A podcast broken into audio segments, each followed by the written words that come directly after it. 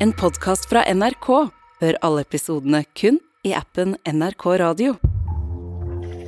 I årevis har seilere blitt brutalt angrepet utafor kysten av Spania og Portugal. Kystvakta har fått desperate telefoner fra folk som forteller om en utspekulert bande som plutselig dukker opp fra havets bunn. En bande som peiler seg ut enkelte båter og går til målretta angrep. Killer whale. Going for my rudder. They would go under the boat, they would bash up against the hull. We did notice behind the boat chunks of the rudder that had been bitten off. Hvem er egentlig denne gjengen som har terrorisert seilere ute på Atlanterhavet i årevis? Og hvorfor mener flere at de mange angrepene kan være en kalkulert hevnaksjon? Hører på Oppdatert. Jeg heter Gry Baby. I over to år har det pågått et maritimt mysterium som fortsatt ikke er løst. Det som først startet som eh, bisarre nødanrop fra livredde seilere til Kystvakten, har nå nærmest blitt en trend, nemlig terroriserende angrep fra spekkhoggere. Og kanskje viktigst så har eh, hele denne saken blitt et spørsmål om liv og død. Og hvem som egentlig har retten til å ferdes på havet. Ida Kloppen Gladisjak, du er journalist her i NRK og har kommet over en ganske sjokkerende sak om seilbåttørste spekkhoggere i Atlanterhavet som rett og slett terroriserer og trakasserer folk på sjøen. Ja, det høres jo sikkert veldig rart ut. Eh, jeg hørte det først fra kjæresten min, som er seiler selv. Som eh, skulle imponere min far, som også er seiler. For dette er tydeligvis en snakkis i seilermiljøet. Og dette startet først for eh, to år siden, sommeren 2020. Da var den 23 år gamle biologistudenten Victoria Morris på seiltur utenfor spanskekysten sammen med en gjeng med andre. I det glitrende vannet hadde de alle til sin store forskrekkelse og glede oppdaget en gjeng med spekkhoggere, eh, som dukket nysgjerrig opp rundt båten. Victoria hadde seilt mye tidligere og var derfor vant til å se spekkhoggere til sjøs, som gjerne fulgte etter båten når de seilte. Men etter hvert begynte pulsen å stige hos både hun og de andre på båten. Flokken på de ni spekkhoggerne sirklet seg nærmere og nærmere, og begynte så å dunke og dytte i båten fra hver sin kant. Victoria så forskrekket bort på rattet på båten, og så at det begynte å spinne rundt og rundt, og skjønte da at spekkhoggerne hadde tatt tak i roret fra undersiden og de hadde da fått full kontroll på båten. Fort begynte båten å snu rundt og rundt i vannet, mens eh, flere spekkhoggere fortsatte å dunke i sidene. Og opp til havoverflaten steg plutselig små biter, som Victoria skjønte var deler av eh, roret, som de store dyrene hadde bitt i og revet av. Victoria løp under dekk for å hente livreddende utstyr, for det her så ut til å kunne ende ganske ille. Og da han var under dekk, hørte hun noe nokså snodig. Det virket som at spekkhoggerne snakket med hverandre, og det virket som at de var koordinerte. Det var som om dunkingen samtidig ble kraftigere og kraftigere. Og nå begynte Victoria for alvor å bli redd. Hun slo nummeret til Kystvakten der hun ropte 'Mayday spekkhoggerangrep'. I andre enden hørte hun Kystvakten bli forvirret, og hun måtte gjenta hva som skjedde flere ganger, før hun til slutt fikk høre at hjelpen var på vei. Men så, etter en anspent og nokså panikkfylt time, stanset støtene mot båten nesten like fort som de hadde oppstått. Ikke lenge etter kom Kystvakten, som tauet båten og gjengen til Victoria inn til land. Og det viste seg da at båten hadde store skader og bitemerker på undersiden. Det høres jo veldig dramatisk ut, og kanskje tenkte Victoria og gjengen og andre som hørte om det, at det som hadde skjedd var en rar og litt sånn uvanlig opplevelse. Men det her var jo bare starten på en rekke lignende angrep, Ida. Ja, i løpet av hele den sommeren kom det masse nødanrop til Kystvakten. Flere fortvilte seilere fortalte at de ble jaget inn til land av flokker med spekkhoggere, og de store dyrene tok kontroll over roret unnifra og spant båten noen ganger rundt. Noen seilere skadet seg til og med fordi de falt og slo seg av at båten deres ble vippet så mye fram og tilbake. Det som gikk igjen, var at spekkhoggerne bevisst gikk etter roret, og ofte bet det i stykker. Dette var jo noe mange filmet og begynte å legge ut i sosiale medier. Og ganske fort ble disse elleville bildene plukket opp av medier over hele verden. Det er en tilsynelatende rolig dag ute på havet. Martin Evans var om bord i seilbåten med to andre medseilere da den plutselig blir angrepet. A full grown orca rams a boat off the Spanish coast. Snart dukka den ene traumatiserte seileren etter den andre opp i artikler der de fortalte at de hadde blitt utsatt for spekkhoggernes nådeløse atferd. The first thing I did was radio the Coast Guard for help. Because when an animal that massive attacks your boat and you don't know how long it's going to go on, anything could happen. Og nå begynte seilerne å bli ganske frustrerte, og noen til og med sinte, fordi angrepene de pågikk måned etter måned, og de så jo aldri ut til å slutte.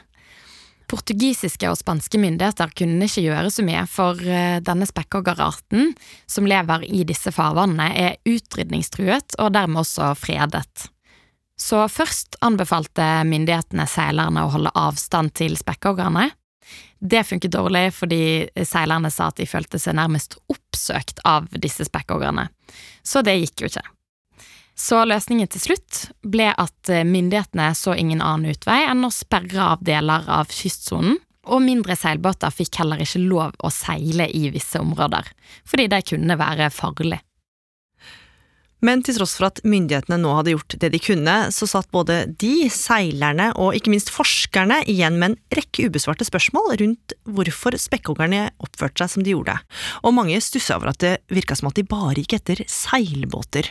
Flere forskere påpekte også at spekkhoggere vanligvis kunne være veldig nysgjerrige på båter, men å dulte borti og rett og slett begynne å spise på roret, det var uvanlig kost. Ja, så en gruppe forskere bestemte seg for å virkelig undersøke dette.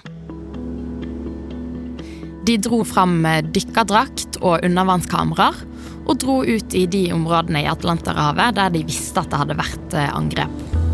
Og etter å ha fulgt spekkhoggerne og samla inn data, så hadde de et lite gjennombrudd.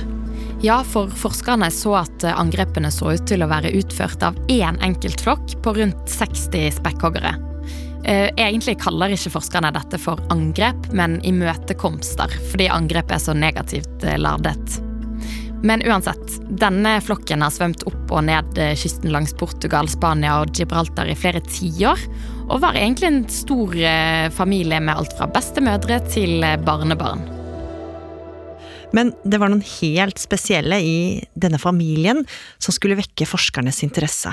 Ja, ved å identifisere spekkhoggerne ut fra finnen, som funka som et slags fingeravtrykk, kunne forskerne se på kameraene sine og flere videoopptak at det var tre spekkhoggere i denne flokken som så ut til å være med på nesten alle seilbåtangrepene. Dette var tre ganske unge spekkhoggere, som tenåringer, som kanskje oppførte seg litt mer opprørske og rampete enn de andre i flokken. Og pga. fargene og mønstrene de hadde, fikk de navnene Gladys White, Gladys Grey og Gladys Black. Ja, de tre Gladysene. Så forskerne begynte nå å spekulere i om de tre rett og slett leda resten av flokken under alle seilbåtangrepene, som, nesten som en liten bande. Ja, eh, men ganske fort skulle forskerne bite seg merke i en ny ting. Nemlig noe de hadde lagt merke til på hodet til en av de, Gladys White. Etter nærmere undersøkelser så forskerne at hun hadde et stort arr på hodet, og også flere steder på kroppen. Finnene og siden av ryggen hadde hun skader. Og dette så ikke ut som naturlige skader, men skader etter noe som har slått hardt og sterkt, som propeller. Mm. Så det kunne se ut til at en av spekkhoggerne var blitt skada nettopp av båter? Og det tok jo ikke lang tid før mediene fikk nyss i den informasjonen, og da ble folk plutselig litt vennligere innstilt mot spekkhoggerne. Ja, nå snudde stemningen tvers om i mediedekningen. Nå var det ikke lenger fokus på de stakkars seilerne, men de stakkars spekkhoggerne. Som tross alt ble skadet når de svømte rundt i sitt eget hjem. Og flere mente nå at seilerne måtte holde seg unna områdene spekkhoggerne svømte i. Og ikke bare det, oppdagelsen av Gladys Whites skader skulle gi opphav til en helt fersk teori, nemlig at spekkhoggerne angrep som en slags hevnaksjon. Ja, og grunnen til at det ble snakk om det, er at eh, spekkhoggere er jo veldig sosiale og intelligente dyr. Og i og med at Gladys White så ut til å ha blitt truffet av en propell, så var det flere som sverget til denne teorien om at de skulle ta hevn på båtene. Men dette avfeide forskerne fort, nettopp fordi spekkhoggere ikke er aggressive dyr mot oss mennesker, og det har aldri blitt registrert at spekkhoggere har eh, drept mennesker i det fri før, selv om de på engelsk har eh, navnet killer whale. Ja, for forskerne mente at det kunne være helt andre grunner til sammenstøtene, som de kalte de da. Ja, det er en eh, rekke teorier. Den ene handler om blåfinnet tunfisk, som både denne spekkhoggerarten og vi mennesker er veldig glad i og har drevet overfiske på. Så en eh, teori er at eh, spekkhoggerne prøver å bli kvitt konkurrenten sin, nemlig båtene, som da truer flokkens eksistens ved å stjele maten deres. En annen teori er massasjeteorien. Den går ut på at eh, spekkhoggerne liker å svømme bak båter med propellmotor, fordi de får en slags ansiktsmassasje av eh, trykket fra propellene. Men når eh, de da kommer til båter som ikke har denne automatiske propellen, som seilbåter, så blir de frustrerte og prøver å vri propellen rundt selv for å få denne massasjen. Andre mener de øver på å jakte, mens noen mener de bare leker. It's very difficult to find the cause. The orcas aren't telling us. What we can say with a high probability is that it's related to a variety of interactions with humans. We think it's a learned behavior over time, which is passed on to the rest of the group. Men den jeg syns er kanskje aller morsomst, det er ingen av disse teoriene. Hva er din teori, da? Spekkhoggere er faktisk opptatt av eh, trender, litt sånn som oss mennesker. Det ble bl.a. gjort et studie på 80-tallet av en eldre spekkhoggerbestemor i en flokk som begynte å svømme rundt med en død laks. Og så bestemte hun seg for å bruke den som hatt på hodet. Et par uker etterpå kunne forskerne se at hele resten av flokken og andre flokker i nærområdet begynte med det samme. Hun hadde rett og slett lagd en trend? Ja, så den ene teorien om seilbåtdillaen de nå har, er at disse tre bandelederne har startet en trend. Hmm. Men til tross for forskernes harde jobbing og mediene og folks hodebry, så har man fortsatt ikke fått noe svar. Og etter årets sommer så var det flere som trodde at det kanskje ville roe seg litt mot vinteren, og at banden kom til å bytte beite. Men så skulle det vise seg at spekkhoggerne de slo til hardere enn noen gang. Ja, i november var det nok en seilbåt som ble angrepet. Spekkhoggerne de brukte samme taktikk som før. De dunket og slo i sidene på båten og tok full styring over roret. Men båten fikk så store slag og skader at den begynte å ta inn store mengder vann. Og seilerne om bord skjønte at de nå var i ferd med å synke. Og med vann opp til knærne ble de i siste liten reddet av kystvakten. Mens båten, den endte opp på havets bunn. Det kunne gått skikkelig ille, men heldigvis så ble ingen skada. Men så skulle det vise seg å skje igjen. Kort tid etter så ble enda en båt senka. Og nå, Ida, er jo situasjonen plutselig blitt mer alvorlig enn den var for bare noen år siden. Ja, med de seilbåtene som sank, så har det hele fått en litt ny tone. Plutselig ble det mer snakk om at disse spekkhoggerne truer menneskeliv. Og hva vil skje med de da? De er jo foreløpig fredet, men forskerne er redde for at hvis de blir en for stor trussel mot eh, oss mennesker som vil nyte livet til havs, så kan det ende med døden. Vi har jo sett utallige saker om hva som skjer når dyr, og kanskje spesielt rovdyr, truer menneskers eh, ferdsel. Senest eh, hvalrossen Freia nå i sommer, eksempel. Så man kan jo kanskje håpe at disse spekkhoggerne snart finner noe annet å holde på med. For hvis det her eh, bare er en lek, så kan det hende at de dessverre leker litt med ilden, sånn som det er nå.